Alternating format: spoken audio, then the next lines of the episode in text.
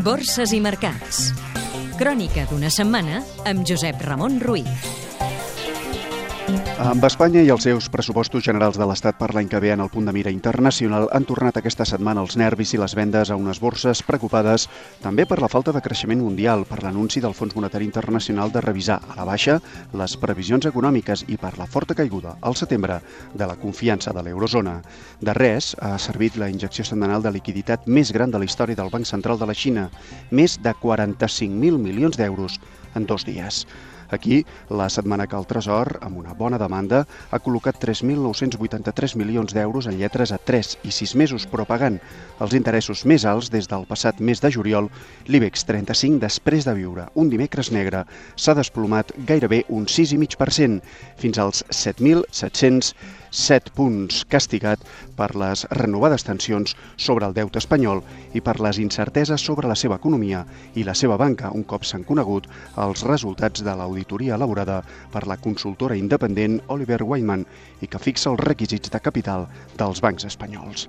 Des de l'1 de gener, el selectiu IBEX 35 acumula uns números vermells d'un 10%. Cotitzades catalanes. Gas natural fenosa. L'energètica ha simplificat l'estructura de les seves àrees de negoci regulats de gas i electricitat. Fluidra. Ha obert noves delegacions a Romania i Montenegro dins del seu procés d'internacionalització. La seda de Barcelona. La química informarà a la Junta d'Accionistes dels seus plans de futur després de la fallida ampliació de capital de 40 milions d'euros. L'euro. La moneda única s'ha depreciat lleument davant de la divisa nord-americana pels dubtes sobre la petició de rescat d'Espanya i després de la davallada del sentiment econòmic a l'eurozona.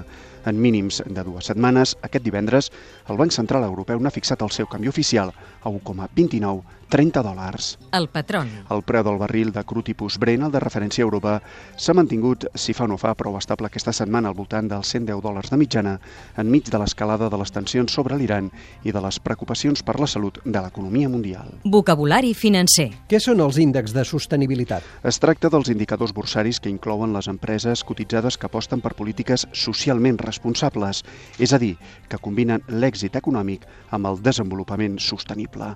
Els dos selectius més importants són el Dow Jones Sustainability i el FTSE4Good. Thank you.